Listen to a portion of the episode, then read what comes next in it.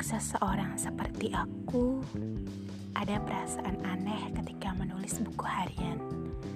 Bukan hanya karena aku belum pernah menulis, namun karena aku pun berpikir bahwa baik aku maupun orang lain tak akan tertarik pada curahan hati seorang remaja berusia 13 tahun.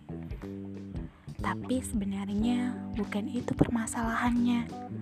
Aku ingin menulis dan berbincang dengan diriku sendiri tentang apa saja yang muncul dari dalam jiwaku.